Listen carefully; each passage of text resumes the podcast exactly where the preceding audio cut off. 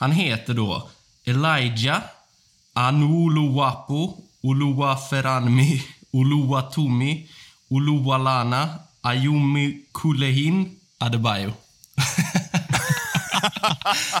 Vilken jävla kung.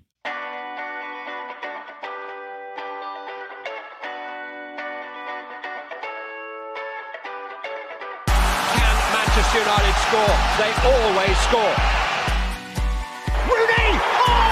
Wonderful! It's Berbatov!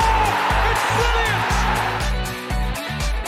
Marcus Rashford! Oh, glorious! That is a special one!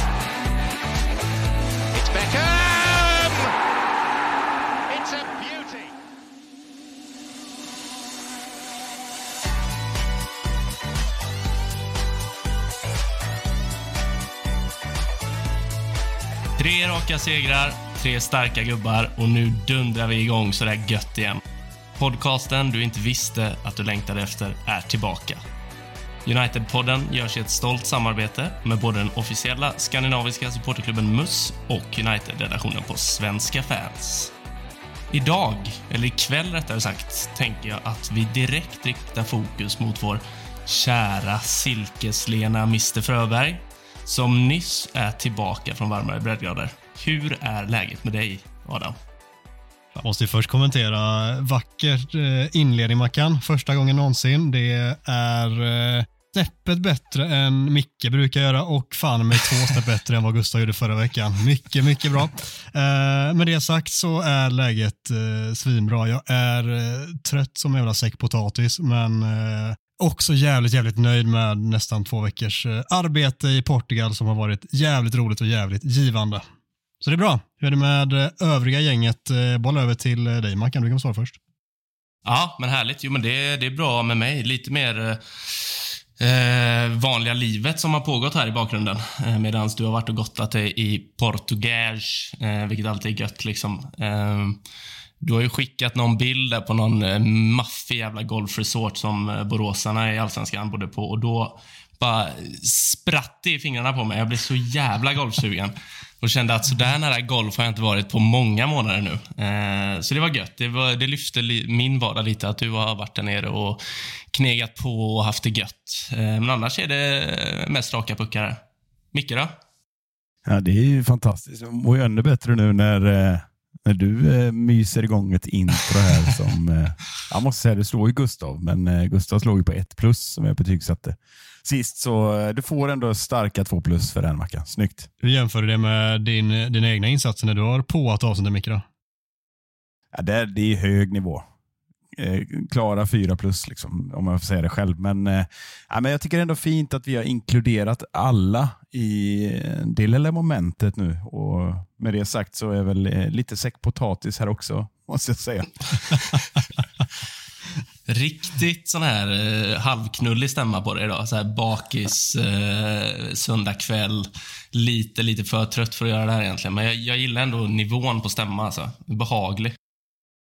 Ja, nej, men jag, det är djupa källarvalv som eh, man brukar säga.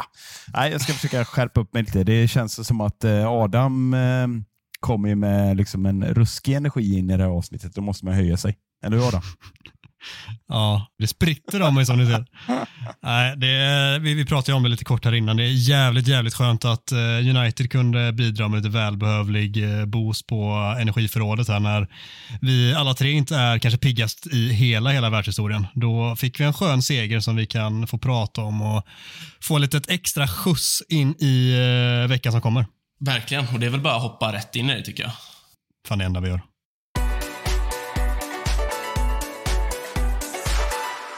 I en oerhört viktig bortamatch mot Aston Villa hoppade Scott McTominay in och stångade in 2-1 och 3 blytunga poäng till United. Då inleder vi givetvis med att bedöma spelarinsatserna via veckans macka. Mm. Kul. Eh, känns, känns som att jag är den med mest energi här idag och det hör fan inte till vanligheterna. eh, så då, då tänkte jag att jag ska ta med den här energin in och vara lite positiv här nu när vi, eh, när vi hoppar in i spelarinsatserna och veckans macka. Vad, vad tycker ni om det?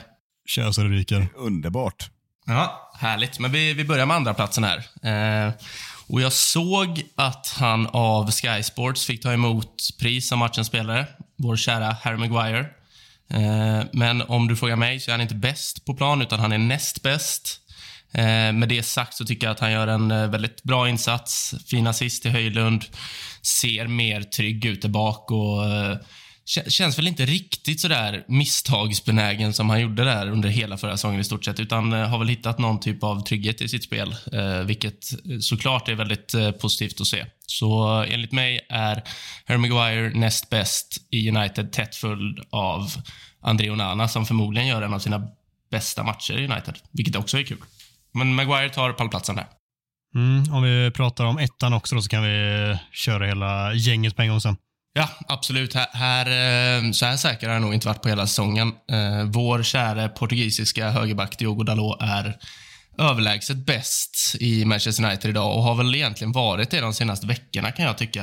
Eh, vi snackade om det lite kort här under matchen i vår chatt om att han fick en jäkligt svår uppgift där han blir någon typ av halvback och sätts därför i ganska många situationer en mot en och eh, hamnar lite mitt emellan situationer ibland men löser allting egentligen. Eh, och sen eh, får han avsluta med den eh, vackra, vackra assisten till McTominay. Så eh, jag tycker Dalots senaste månader här är, det är klass alltså.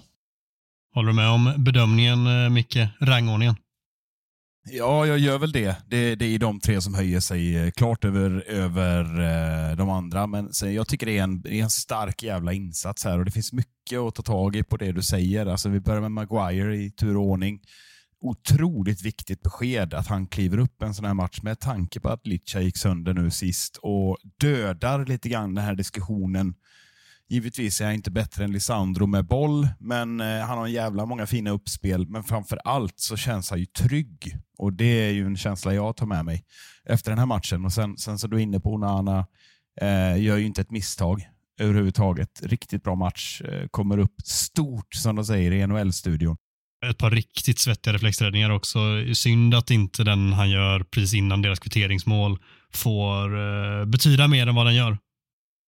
Brukar ju säga det att eh, du ska få bollen på dig, då har du bra positionsspel som målvakt. Och han, han kändes väldigt rätt placerad hela matchen. Jag skulle bara avrunda och säga att eh, det Mackan säger om Dalot är ju klockrent rakt in i vedboden. Det var helvete vilken nivå han har nått. Det trodde faktiskt inte jag. Ja, men alltså, det, ju, det går ju på riktigt att lyfta upp honom som senaste tiden åtminstone den, en av de absolut bästa ytterbackarna i ligan, kanske till och med den bästa, den nivån som han har åtminstone hållit 2024, men ser man över hela säsongen så är han absolut däromkring och nosar också. Det, det är nog inte jättemånga som trodde det när vi backar tiden både ett år och två år tillbaka, utan eh, den utvecklingen som han har fått, den har varit slående och sjukt imponerande. Ska vi påminna oss om att vi har haft den diskussionen, Dalot eller Wambisaka, typ 17 gånger i den här podden. Och det är ingen överdrift. Eh, och Det känns ju ändå synd att Wambisaka är skadad, framförallt när vi får liksom kasta in Lindelöf eh, när Shaw går sönder. Men, men det, det känns ju ganska betryggande att ha två så bra ytterbackar, även om de är helt olika i sin spelstil. Så som du säger, liksom, vet vad man får av. Men Dalot har ju varit jämn och bra, men den här sista nivån han har lyft, det är ju som du är inne på, liksom, då är man där uppe. Då får du börja jämföra honom mot de bästa eh, högerbackarna i hela ligan. Och Vi kan väl fundera lite på det. Vilka är det som är bäst just nu? Bättre än honom just nu? Skitsvårt. Jag, eh, det finns ingen där jag liksom bara kan slå fast att den här är bättre och det säger väldigt, väldigt mycket om hans prestationer just nu. Att det inte finns ett självklart alternativ där man säger att den här är bättre. Utan det finns flera som kanske möjligen är på liknande nivå, men typ Trippier fortfarande jätte, jättebra i Newcastle. Ett par till, men det är ingen där man känner att solklart den här är bättre än Dalot och det säger sjukt mycket om hans prestationer just nu.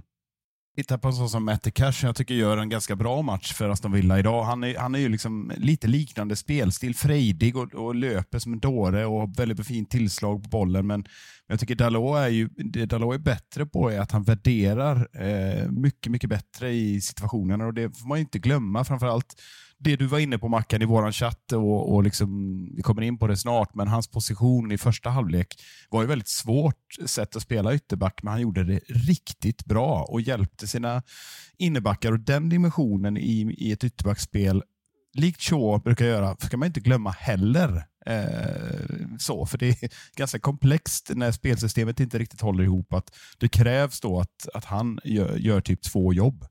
Som han, jag tyckte han gjorde idag. Nej, jag håller med. Jag håller med. Helt och hållet. Jag tänkte säga det bara om Dalot. Att, fan, jag tycker att han har tagit kliv, alltså, både offensivt och defensivt, men också det här att... För jag har haft, jag har haft en känsla av med Dalot att han blandar och ger så jävla mycket. Jag kommer ihåg förra hösten så var han ju en av våra bättre spelare ganska eh, kontinu kontinuerligt. Eh, men det känns som den enda perioden i United-tröjan där han har kontinuerligt stått för fina insatser. Han har känts lite upp och ner och det det, eh, jag gillar spelare som är upp och ner i vanliga fall, men om det är min högerback som, eh, som står för det så blir jag lite mer skeptisk. Nu känns det verkligen som att han, han har hittat sin nivå och eh, man kan lita på honom på ett annat sätt än vad man har kunnat göra tidigare, tycker jag. Tveklöst så. Vi har ytterligare ett betyg att dela ut från din sida och det är den som måste höja sig mest. Vem har du landat i?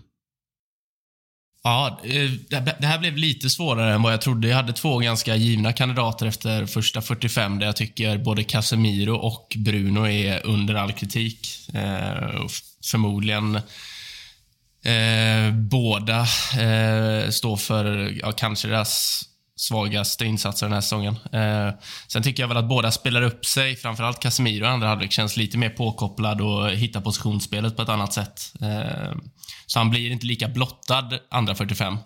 Eh, så tyvärr faller det här på, på vår kära Bruno. Eh, jag gillar Bruno, men eh, de senaste veckorna här så tycker jag att det är alldeles för mycket slarv och bristande kvalitet i den där sista bollen som han vanligtvis har så jäkla fin eh, precision på. Tycker att eh, han slarvar bort ganska mycket lovande eh, chanser för oss. Eh, och med den spelstilen som han har så krävs det att han sätter i alla fall ja, fem av tio sådana för att det ska liksom, eh, för att det ska ge den effekt som vi, som vi behöver.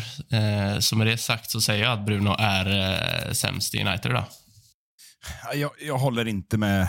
Jag eh, håller med om det du börjar med att säga. Att jag tycker eh, du måste se över hela matchen. Eh, du var irriterad i första halvlek, eh, vilket jag kan köpa. Vi kan komma in på och prata om vad det berodde på på mitten eh, till exempel. Då. Men, alltså, slår du ut matcherna i regel så är ju Bruno ofta mycket, mycket bättre i de andra halvlekarna har jag noterat. Och Det är för att han har en ruskig jävla eh, vad heter det, uthållighet. Liksom han, han går liksom loss och ofta andra halvleksspelen med lite öppnare så kommer han lite mer till sin rätt på något sätt. Då får han lite ytor och så gör han ett förbannat bra jobb defensivt också, får inte glömma. Och sen Casemiro som du nämner, går ner i väldigt bekväm, han går ner och hjälper mittbackarna och dyker liksom upp där när, när någon missar. Eller han täcker upp på ett bra sätt och är den där skölden. Eh, I det spelet är han ju fortfarande världsklass skulle jag vilja säga.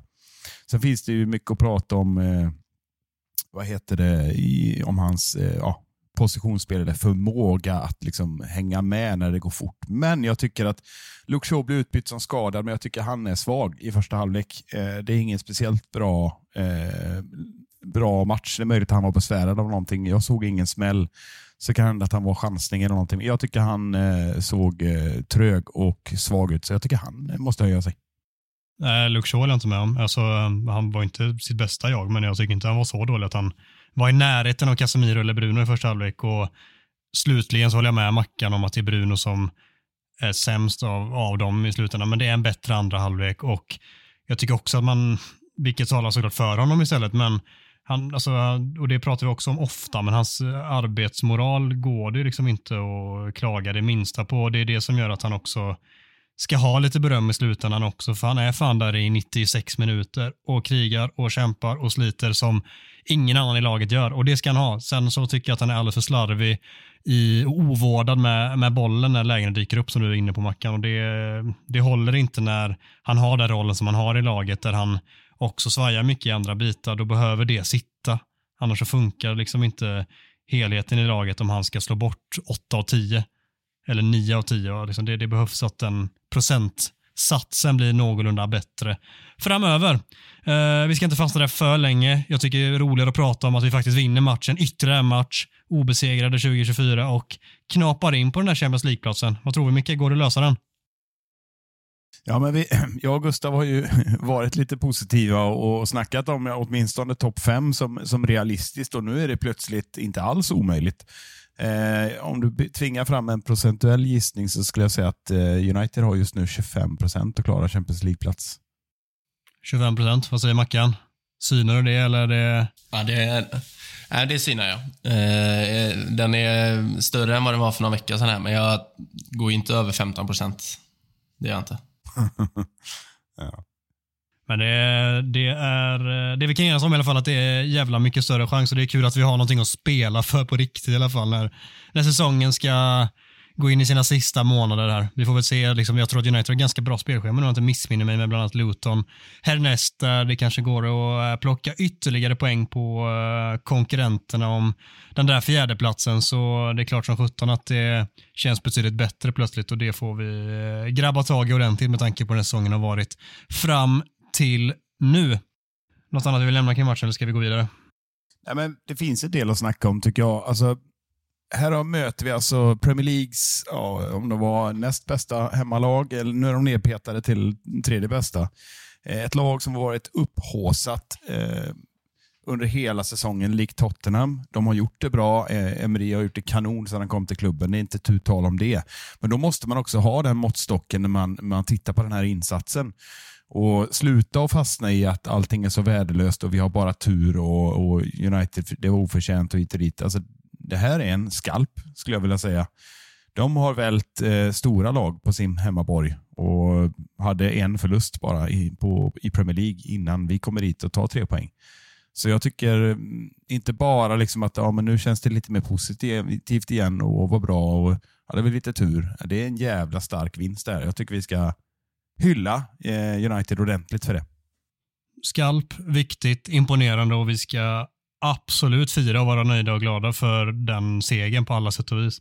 Men jag tycker man måste också få samtidigt tycka att fan det ser inte sådär jättebra och bedårande ut spelmässigt och det känns fortfarande oroande kring, kring många bitar. Det är liksom en ocean av ytor på mittfältet som jag inte tror håller i längden. Men den här matchen ger det oss tre poäng på det stora hela, kanske mer på spetsegenskaperna hos vissa spelare och vissa taktiska drag som som sitter. Men jag tycker också man måste få lyfta upp det och inte samtidigt bara liksom, nu vann vi så kan vi skita i allt annat. Det blir också fel enligt mig.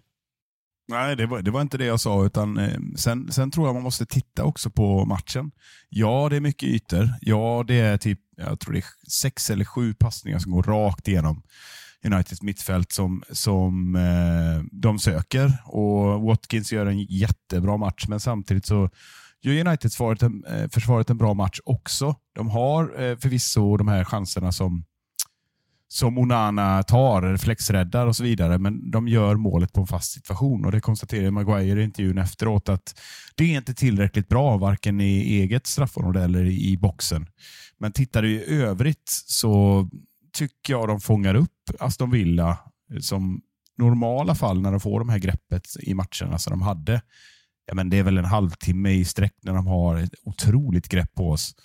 Då brukar de ju köra över lag eh, när, de får, när de får den matchbilden. Men här biter United ifrån. Och Jag vill ändå, ändå påstå att eh, det ser inte kanon ut, men jag tycker det är imponerande ändå att avväpna eh, ett starkt Aston Villa som var ordentligt revanschsugna efter det.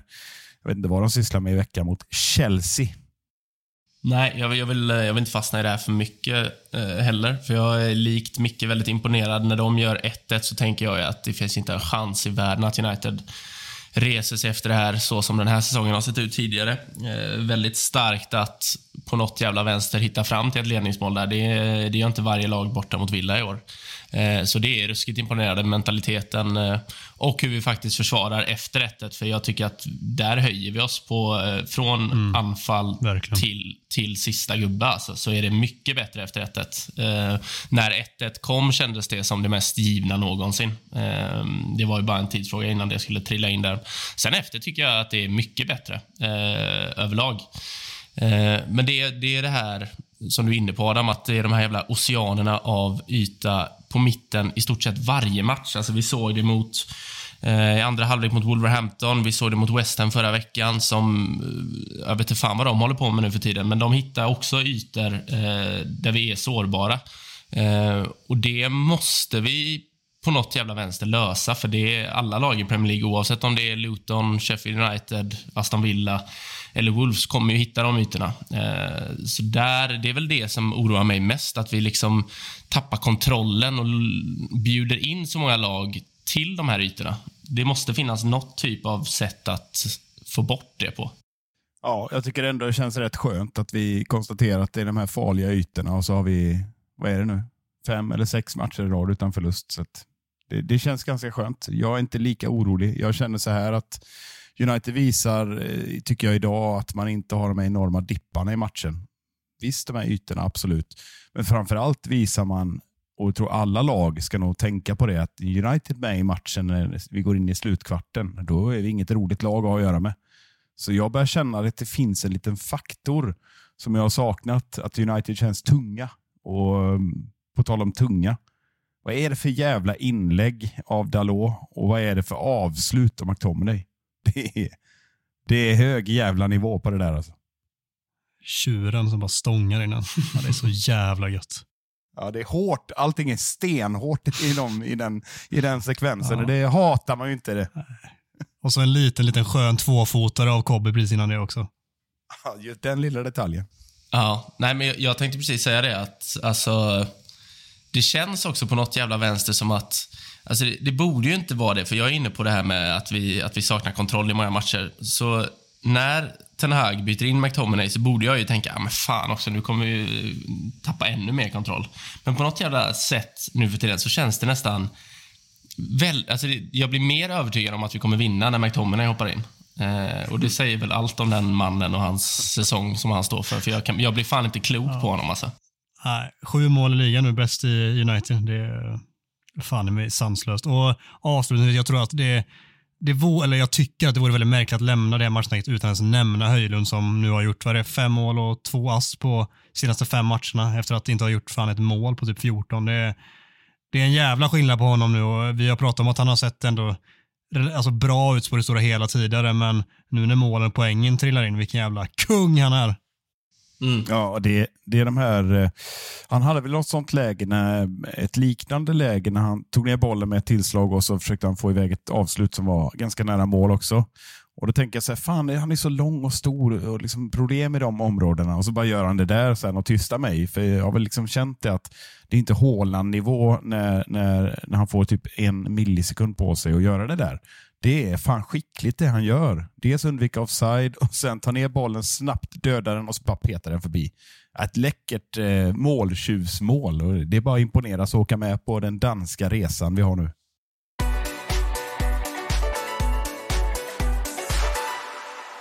Succésegmentet Talk of the Town är tillbaka med tre stycken påståenden med aktuella ämnen som vi helt enkelt diskuterar huruvida det är sant eller inte. Veckans första tar vid lite där vi sånär slutade. Den lyder så här. Scott McTominay är den bästa super-subben sedan Ole och Chicharito. Vad säger du där Micke? ja, det är så jävla gött att uh, Skött McTominay får det här utrymmet. Han är så jävla god. Ja, äh, fan, vi måste sätta in det i lite kontext. Jag eh, googlade runt lite och kollade och mindes tillbaka lite. Vad har vi egentligen för supersubs som vi liksom framar in Premier League här? Ja, det kommer det ju liksom upp här. Vi har Michael Owen, vi har eh, Teddy Sheringham, vi har Mark Robbins. Det känns som det är eh, pre-Premier League, men han är ändå med på någon lista här. Och Sen har vi Chicharito såklart och så Ole. Då. Så att, eh, ja, men det, om man liksom tar bort eh, Ole och Chicharito då, som egentligen påståendet lyder, så, så är det väl kanske en liten bit kvar till Teddy Sheringham ändå. Men eh, fan vet om man inte redan har axat sig förbi det här Liverpool-aset Michael Owen som eh, jag eh, alltid haft svårt att förhålla mig till. Ja, ja. Owen faller på att han har spelat i Liverpool känns så. Så jag säger ja, det stämmer det här. Han axar förbi Sheringham i skrivande stund, eller i pratande stund. Håller du med Mackan? Ja, jag, sitter och tänk, jag sitter och tänker här vad vi har haft för gubbar. Jag, en jag kommer på snabbt är ju Kiko Makeda som man trodde att skulle bli nya Solskär. Men han gjorde ju väl bara typ två mål som inhoppare. Så han faller ju på det liksom ganska snabbt där. Ehm, sen hade vi väl... Eh, Martial var väl rätt vass som inhoppare under Mourinho.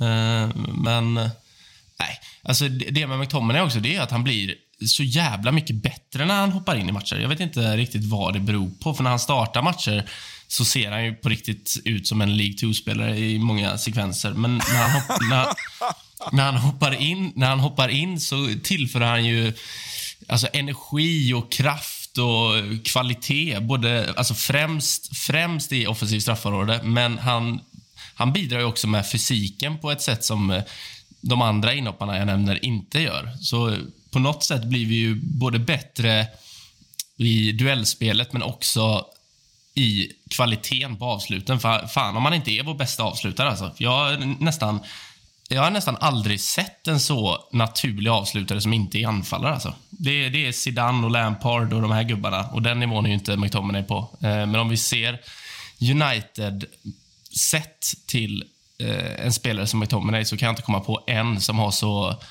Han är så distinkt i allt när det gäller eh, avslut. Eh, Huvudet, vänstern, högen, eh, låren. Alltså, nej, jag är otrolig inhoppare. Så jag säger fan också att han är, han är vår bästa inhoppare sen, sen Solskär och Chicharito. Och det är inte bara heller i år de här tunga avsluten, typ som han kunde dra till med för några säsonger sedan då och då, utan det är också en del rätt tekniskt svåra avslut. Det är, är det Brentford han hoppar in och gör två mål mot eller på hemmaplan? Ja. Ett av Som de avsluten där är helt otroligt liksom eh, skarpt tekniskt. Och sen som du säger, olika, äh, det, det, det är fascinerande. Men all, så anledningen tror jag till att han inte ser lika bra ut när han startar är för att han inte är lika bra i ett liksom uppställt spel från, från start. Där är han ju väldigt begränsad, men han får komma in i matcher där det kanske svänger lite mer och det är lite mer ytor och spelarna han möter är lite tröttare. Då, då drar han ju nytta av det till 100% och bara kör. Och där är han ju fenomenal att ha och kunna slänga in. Det är ett satans S i rockaren plötsligt som jag tror ingen av oss hade räknat med inför säsongen när vi nog kände samtliga att det kanske är bara att hitta bästa möjliga bud och sälja honom och återinvestera de pengarna. Men nu finns det ju verkligen ett värde i att ha honom i truppen. Ja, du, du glömmer ju hans... Du glömmer, jag vill bara säga detta Micke innan. Du glömmer ju hans mest imponerande mål nästan den här säsongen. Det är ju mot Sheffield United borta när Bruno Fernandes skjuter han i halsen från typ tre meter. Han, han hoppar upp och typ tar ner den på något vänster och sen en volley i bortre liksom. Bara, Ja, jag tror fan med att det var det målet jag tänkte på till och med. Det är så jävla bra gjort. Nej, det, är, nej, det är konstigt för när, när, som sagt, när han startar och får den här lite djupare rollen, då får han ju allt att se eh, väldigt svårt ut. Och sen när han hoppar in och är offensiv straffområde, då får han allt att se väldigt enkelt ut. Eh, Så det är ju den, det är nog den märkligaste spelaren vi har haft i Manchester United, eh, som jag kan komma på så här på uppstuds. Jag kan inte, jag kan inte riktigt bli klok på honom på något sätt. Liksom.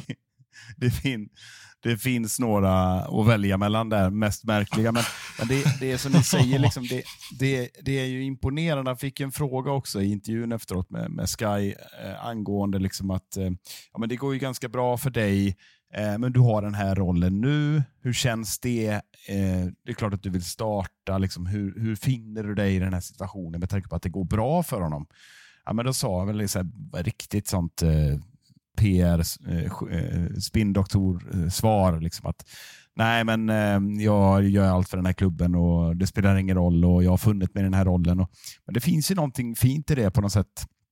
För han är ju i ett skede av karriären som vi har pratat om flera gånger, att han kanske skulle behöva prova en ny miljö. och jag tycker inte han är en League 2-spelare overall, men, men, men han, han skulle ju lätt kunna platsa i, en, i, i ett lag, eh, position 10 till 20 i Premier League utan problem tror jag. Men, men eh, det fina är med en sån spelare är att eh, ja, men den formen han har och liksom det, det ni beskriver, hans avslut. Liksom, det om vi tittar på alla målen så det, det är inget flytmål, inget flax. Så det är snarare så att det kommer ju bara liksom han kommer inte bli sämre i känslan och han kommer säkert få spela en hel del under, under våren här nu. Och det är ju en jävla joker att ha när vi ska spela cupfinal varje vecka som Ten Hag har sagt att vi ska göra. Ja, Mm. Det känns som att vi behöver dra nytta av hans eh, supersub-egenskaper lite för ofta, men fan vad bra han gör det när han väl ges chansen. Magiskt, vi går vidare. kommer den här korta och koncisa till dig Mackan. Sälj Casemiro i sommar. Ja, jag, jag tycker det är ganska solklart alltså. För jag, jag tror fortfarande att det finns ett... Eh, man, kan, man kan få en slant för honom. Eh, och eh, jag, vet, jag vet att Gustav och Micke har varit inne på att de, de, de tror att han kan komma tillbaka till den nivån och eh, vi ska inte ge upp på honom än. Men jag tycker att han är, han är alldeles för långsam. Eh, det blottas i för många matcher den här säsongen. Eh, och lägg där till hans, eh, hans ålder och Brassars korta brintid eh, efter 30, som eh, jag vet att Gustav älskar att prata om. Eh, så säger jag sälj om vi får ett rimligt bud så eh, borde det inte vara någon tveksamhet, utan sälj. Har du ett motbud, Micke? Jag kikar lite på Han har ju liksom gjort 67 matcher. Han kunde ha gjort eh, typ eh, 30 till, men typ 10 avstängningar och så massa skador. Så han, han har ju liksom inte gjort det så lätt för sig, men ah, jag tycker så här, alltså den här säsongen har inte varit bra. Förra säsongen var bra, tycker jag. Då var han eh, dominant många matcher och eh, jag vet inte riktigt vad det är som har hänt på bara liksom ett Visst, det har varit skador och sådär och laget har inte presterat och vi har lite problem att få till det på mitten. Men nu, nu känns det ändå liksom tryggare med Mainou. Det känns som något man bygger vidare på. Så jag säger så här, jag tror ju att han kan komma tillbaka, men jag tror också att den här vårsäsongen avgör det lite grann. Eh, fortsätter han att hacka som han gör nu och det inte liksom, han inte, kommer inte upp till sin nivå, men då, då tror jag att man kommer att försöka hitta en ny klubbadress till honom. För Vi pratar ju om hans lön, vi pratar om policyn som man förmodligen kommer att sätta framgent här. Att den här typen av spelare, ska man betala de pengarna så måste de vara oumbärliga mer eller mindre för laget. Det gäller ju andra också.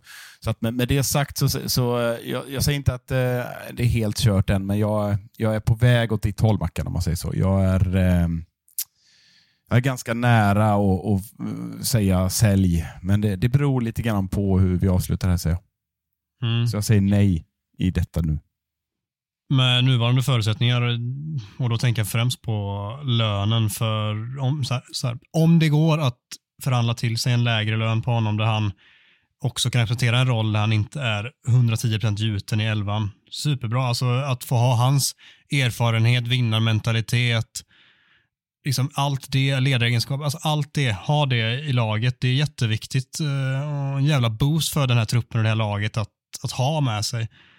Men eh, rent spelmässigt, som du är inne på Mackan, så är det lite för trögt just nu. Det, det som krävs av en mittfältare, särskilt när vi ska spela så som det verkar som att vi vill spela för tillfället, så passar inte han in i den rollen så, så väl. Då hade det varit kanon att ha honom som en, någon form av rotationsspelare som hoppar in ibland, startar ibland, men inte som en helgjuten startspelare och då är den lönen som han sitter på nu alldeles för tung att ta. Så kan han tänka sig det? Absolut. Annars så sälj och hitta någonting annat. Vi kommer tappa i vissa avseenden som jag nämnde innan, men då får det vara värt att sälja tycker jag. Det är dags för veckans Town Hall och eh, där hade vi ingen förra veckan för det var ett eh, sånt där märkligt duo avsnitt som jag inte tror att någon tyckte om där ute. Men eh, bra försök i alla fall Micke och Gustav. Det vi kan göra istället är faktiskt att passa på att ta och kommentera de fördomar som ni slängde ur er där på slutet. För jag vet att både jag och Mackan reagerar ganska starkt på ett par av dem. Vad, vad känner du själv så här i efterhand Micke kring dem? Nej, men jag tyckte det var fullt eh, rimliga. Vi hade ju inte pratat ihop oss, så det kom ju som överraskning såklart när vi eh, bollade upp det. Bara en sån sak att vi hade varsitt eh, straffscenario. Mitt var mer eh, liksom på liv och död.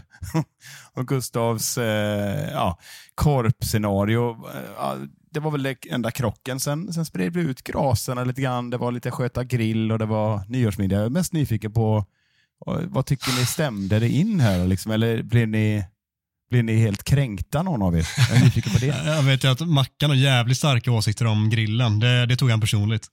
Ja, ja där, där, där reagerar jag faktiskt. För så här, de flesta fördomarna inleddes ändå med, men fan jag lutar ändå åt Adam här, för han känns liksom, det känns som att han har koll på grejerna. Men jag tar Mackan så här lite oväntat, som att jag, eh, som att jag är helt inkompatibel till att göra någonting.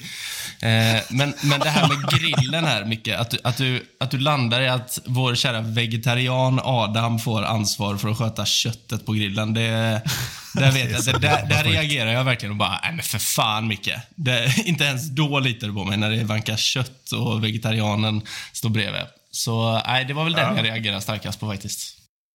Mac men, men Mackan, du får tänka att Adam, hans precision, alltså, han fixar även en KB-biff liksom, som, eh, som ska in i minsta detalj. Där är du otålig, det orkar inte du. Nej, det, det är tyvärr sant förmodligen. Eh, så någonting ligger väl i det, men det är ändå starkt att skicka fram en vegetarian till köttgrillen. Alltså. Det, det känns inte som att det hade landats väl hos någon involverad. Vad mer då?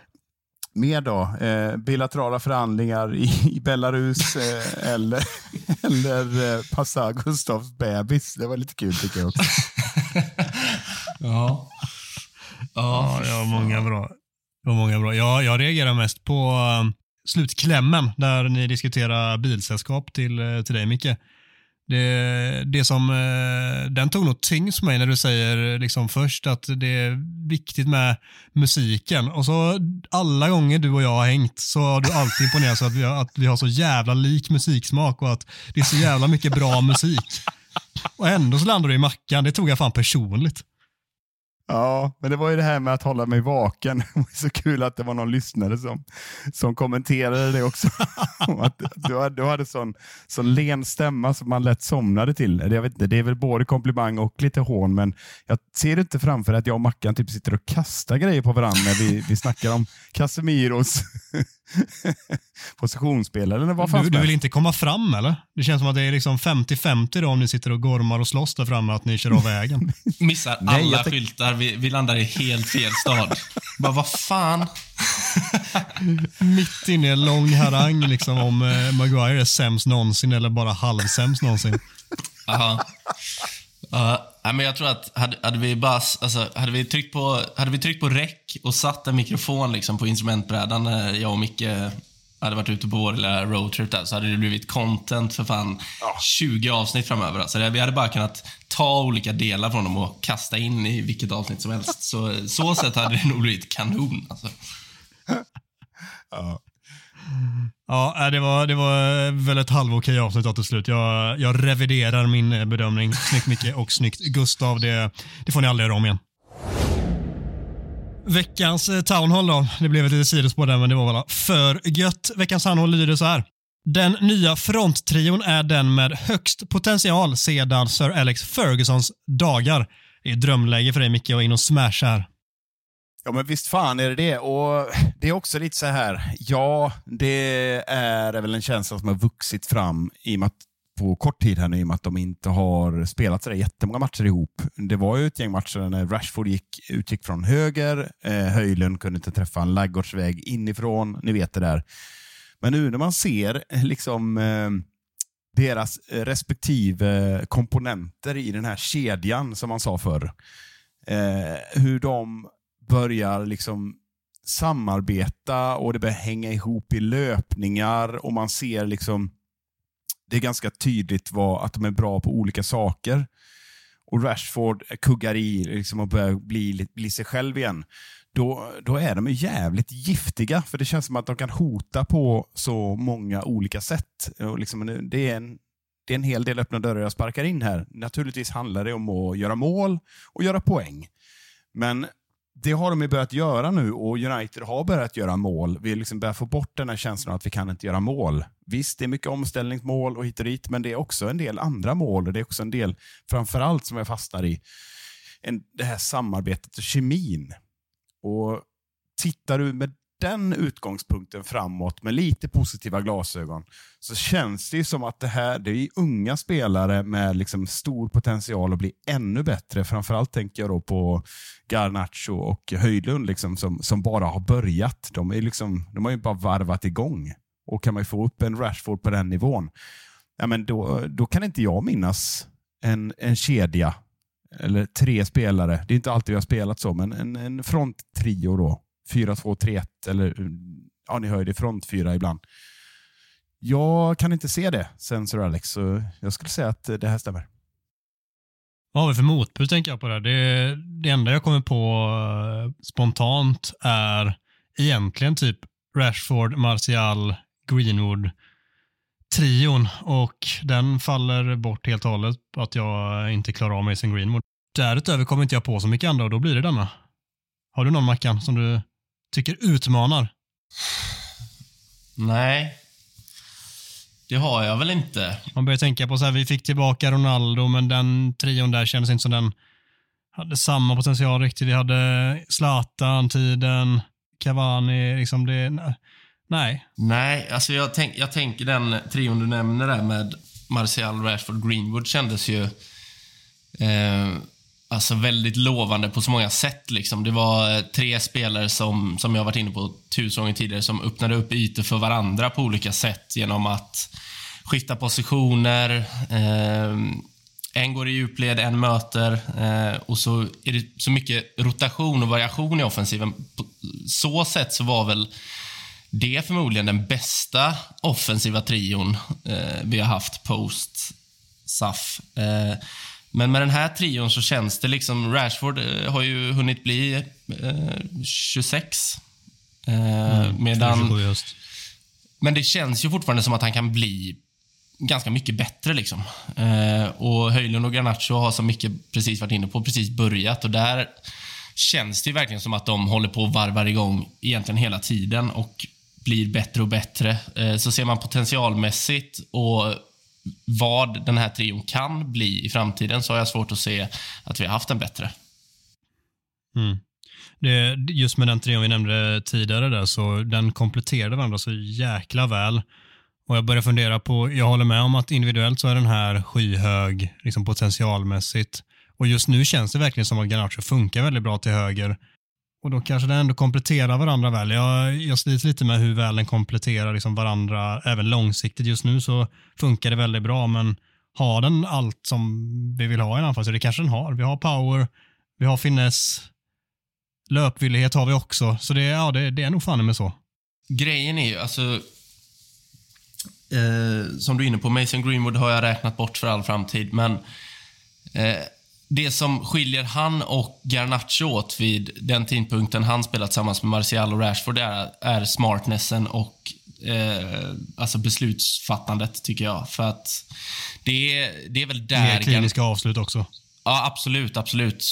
Sanslös avslutare på alla sätt och vis. Men också smartnessen. Där kunde vi se kombinationer på ett helt annat sätt. Vad vi ser med Garnacho, Höjlund och Rashford. Och där är väl det handlar väl om att de inte har spelat så jäkla mycket tillsammans än egentligen. Eh, tror jag. För att Höjlund har ju alla egenskaper som krävs för att göra sina yttrar till bättre spelare och öppna upp ytor. Och där tror jag att både Garnacho och Rashford bara kommer bli bättre. Eh, och sen ska de bara hitta dansken i mitten lite oftare så kommer det bli kanon. Men eh, jag tror verkligen att den här trion kan bli hur bra som helst.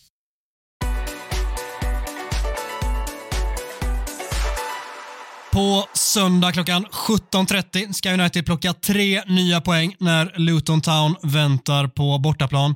Till den bataljen har givetvis Micke smält ihop en schysst motståndarkoll.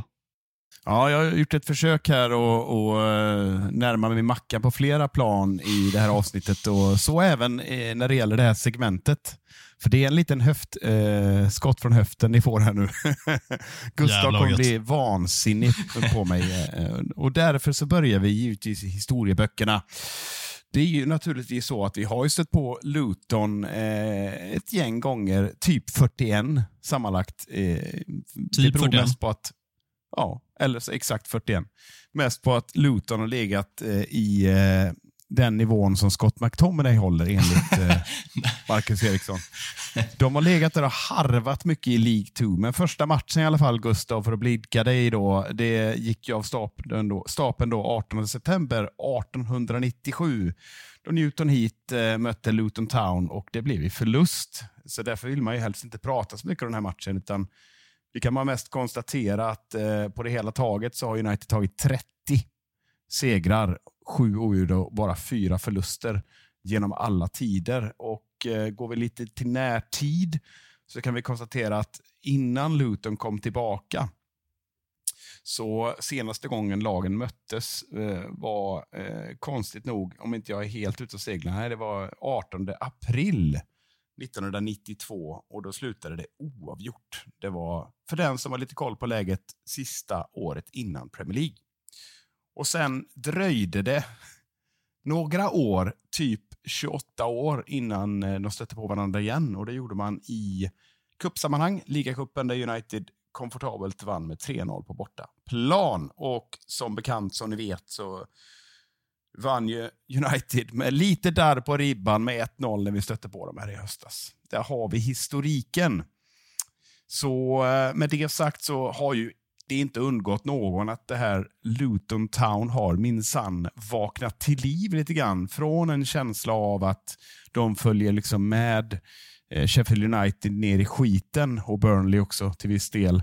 Så har de ju helt enkelt visat upp ett helt annat spel eh, de sista ja, sista 8-10 matcherna. Även om inte alla resultat har, har gått dem väl så har vi några hysteriska matcher att liksom titta tillbaka på. Vi snackar 4-0 mot Brighton, eh, mot, mot, världens bästa tränare. ja. Det behövde du få in det också. och Sen hade det 4-4, den här sjuka matchen mot Newcastle och sen tog det lite stopp här nu sist. Verkligen snöplig förlust mot just Sheffield United. Jag såg de där målen och eh, konstaterar väl att det måste ha rört sig om någon form av eh, eller överskattning eller någonting, eh, för det var, in, det var ett håglöst Luton som släppte till oerhört mycket. Men tittar man på vad är det som har gått så bra då, ja, men då fastnar man ganska snabbt vid en sån som Ross Barkley som jag tycker har varit fantastiskt bra. Jag, jag säger att jag har sett tre eller fyra matcher med Luton i år. Eh, och varje, varje match har jag bara förundrats över, fan han är ju tillbaka den här killen som var en av Premier Leagues ja, största talanger under ett par säsonger. Och sen gick det som det gick för honom. Därför tycker man det är lite kul att en sån får liksom vara eh, härföraren för sånt här lag och visa hela sina kvaliteter från en sex sexa position som han har intagit och där har han rätt att gå fram i plan. Så det är ju egentligen Ross Barkley man ska lyfta upp som det stora utropstecknet i det här, i det här laget tillsammans med rätt frejdig offensiv nu ska vi åka till den här konservburken då och spela Kenilworth Road. Det, jag vet inte. Det är fint. Gustav eh, säger att han inte har varit där, men eh, det, det känns ju som att ett otroligt jäkla sug att man skulle vilja åka dit, till just den arenan. Verkligen. På alla sätt och vis. Men eh, fan Micke, du, du, jag trodde verkligen att du skulle ta upp det här under din motståndarkoll. Luton har ju en anfallare som har Alltså, om det inte är fotbollshistoriens sjukaste namn så är det absolut topp två alltså. Har vi... Bokstavera. Har vi... Eh, alltså, att, att jag ens ska försöka ge mig på det här namnet. Eh, Elijah Adebayo är han ju känd för. Eh, den storväxta anfallaren i Luton. Eh, men om, eh, om, eh, om ni ger mig tre minuter här ska jag försöka läsa upp hela hans namn då. Är vi, är vi redo? Kör. Mm. Han heter då Elijah Anuluwapo Uluwaferanmi Uluwatumi Uluwalana Ayumi Kulehin Adebayo. Jävla kung. Alltså vad i... Du vet, hans här Wikipedia, Wikipedia-sida, bara hela första raden är hans namn. det är helt sjukt. Jag glömde fina Adebayo. Han har ju trots allt gjort nio mål. Det är stabila siffror. Ja, han, han är vet ju inte Adebayo. Kör hans hela namn Micke. Vad hette han nu igen, Micke? Nej, du, vi skriver ut det som avsnittsnamn. Får, får ju plats med så mycket. Det går ju inte. Det är fan för långt. Otroligt hela namn. Men eh, lite seriositet då. Vad vinner United med Mackan? Jag tror att det blir eh, samma resultat som Luton torskade med igår, så jag säger att United vinner med 3-1. Skön 3-1. Micke? Nej, vi, eh, vi är på gång nu, så jag tror det blir en 3-0 till United. Fint. Då får väl jag eh, höja den och säga 4-0. Det är lite ketchup-effekt-varning nu. Ruskigt gött. Rashford gör hattrick. Det vet ni. ja, Kul! Skräll. Såg ni förut att han gjorde typ 247 tunnlar den här matchen? Han är så mycket tillbaka nu va? Ja. Ja. Ja, det hatar man inte faktiskt att se. Det, vi, måste, vi sa inte så mycket om Rashford, men, men känslan är som du säger, han är på gång nu. Sen om det räcker till hattrick eh, nästa helg, det är en annan sak. Men det, det är ändå kul att se att han, är, han ler lite igen. Nu kommer han.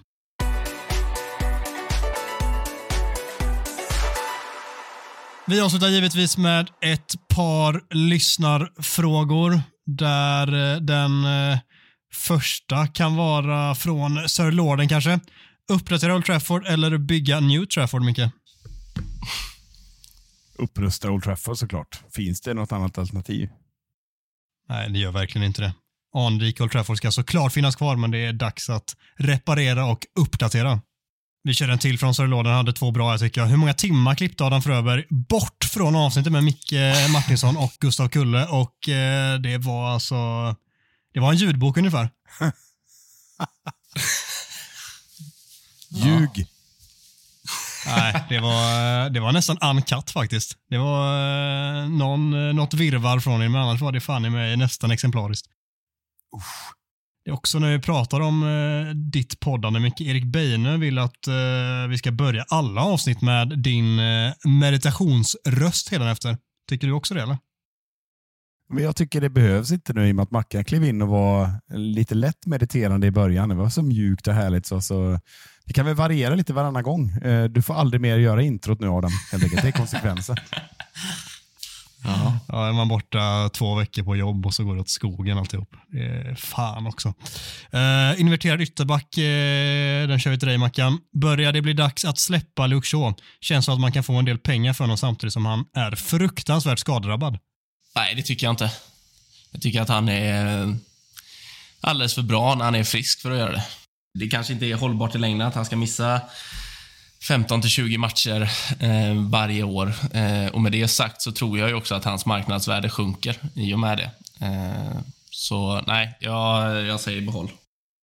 Ja, eh, såklart behåll, men det är definitivt eh, viktigt att hitta en, ett alternativ där jag inte alls är säker på att Malaysia är det alternativet, utan hitta ett annat alternativ som är betydligt bättre de gånger han inte kan spela för att eh, till exempel då börja sätta Victor Lindelöf där som den här matchen mot, eh, mot Aston Villa, det håller ju liksom inte. Alltså kan vi, kan vi bara ta upp det snabbt? Vad fan är Malaysia?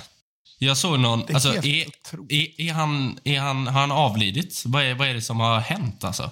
Jag har inte sett... Alltså, de är ju ganska frekventa ändå med spelare som är borta. Typ Lisandro, typ Casemiro. Att så fort de är liksom på gräs eller i gym så är det en bild från eh, medieteamet upp på Twitter eller Instagram. Malaysia har ju för fan inte synts sen, sen avslutningen på förra säsongen. Vad är det som, är, vad är det som har skett? Ja, Man undrar ju om det inte är någonting privat också. För jag har förstått att det är en knäskada va? Jag har läst mig till. Från början var det det som det skrevs ut i alla fall. Men det, man spekulerar ju och sen det är klart en spelare som inte drar till sig så mycket. Hade, hade det här varit Rashford eller något, alltså det går ju inte. De kan ju inte vara osynliga men jag håller med dig Macka, vad fan är han? Ett jävla livs, livstecken borde ju inte vara så jävla svårt att få. Man kan bara Nej. höra för det. De här statusrapporterna, de här sajterna som eh, liksom följer skadade spelare, står det liksom bara okänt på liksom när han kommer tillbaka. Ja, och jag tänker så här, de, de flesta spelarna ser man ju ändå på, på hedersläktaren och så när det är hemmamatcher. Eh, Tom Heaton är ju alltid där. Liksom. De älskar att zooma in hans ljuvliga ansikte. Men fan, Malaysia har jag, jag har inte sett honom bara. Jag såg någon sån här vimmelbild som någon trött paparazzi hade tagit när han och Rashford var ute och käkade lunch. Typ. Det är det enda jag har sett av honom på fan åtta månader. Vad är det frågan om? Strange. Väldigt, väldigt märkligt. Eh, vi avslutar med galna skrotnisse 007 fråga. Vem i United-podden hade mest troligt inte klarat marshmallow-testet? Mackan, här vet jag att du är stekhet på att förklara och gå igenom vad fan marshmallow-test ens innebär. Ja.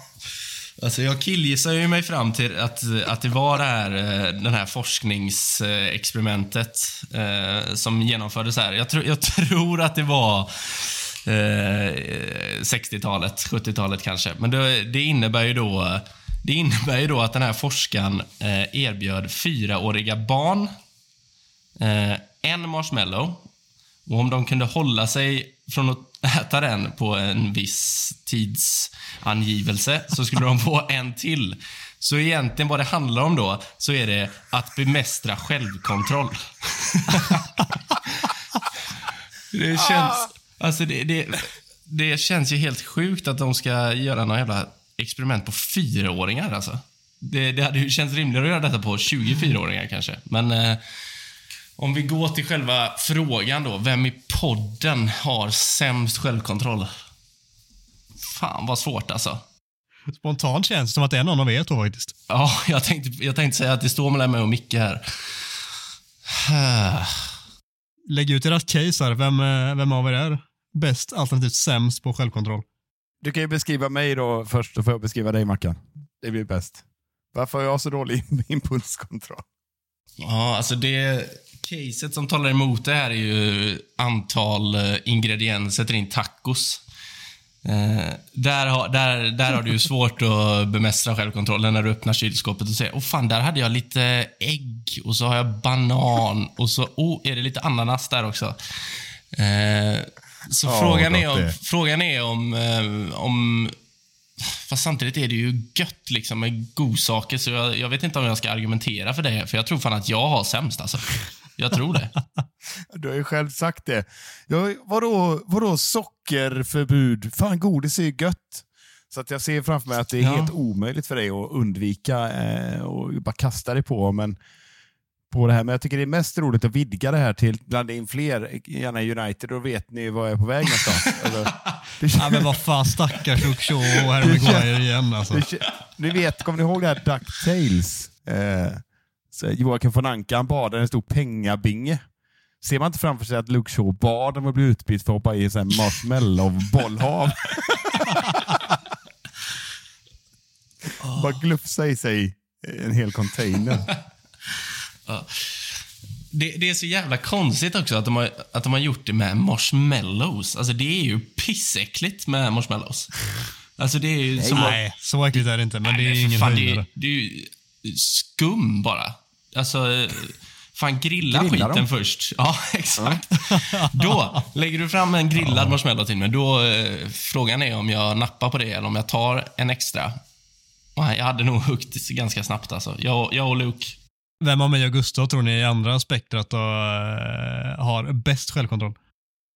Alltså Gustav är ju, är ju liksom, eh, vad ska man säga då? Han är nära OCD-nivå i allting. Liksom. Han är otroligt eh, noggrann och det, allting ligger på rad. och Ja, ni vet ju med Excel-grejerna som vi har tjatat om.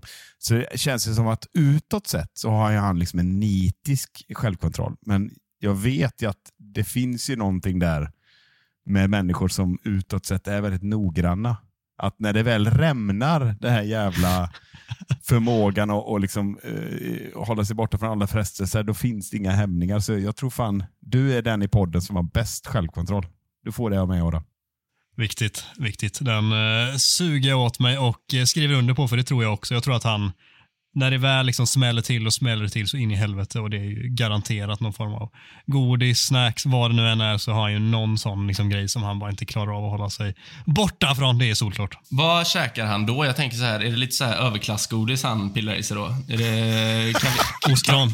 kav- kaviarsnittar, ostron, eh, punschpraliner? Vad är, vad är det för gött han pillar i sig där borta i? Ja, lite kanapéer till eh, champagnen. Ryska kanapéer. Kaviar. Ja. Ja, jag äter med sked. Mm, vad gott det är. Ja, ja det är starkt. Ja, jag torskar denna då. Vi får fråga Gustav det. Men du torskar och det är intressant att se reaktionerna på, på detta sen. Eh, Vi lägger upp en tabell då med aktuell eh, sämst impulskontroll när det gäller marshmallows. Det var ju det som på, eh, frågan handlade om hur jävla gött som helst. Vi gör så att vi tackar för oss där och eh, är eh, jävligt tacksamma för att ni har orkat med oss hela vägen hit. Tack som sjutton för det. Följ oss jättegärna på sociala medier. Där heter vi United-podden. Överallt.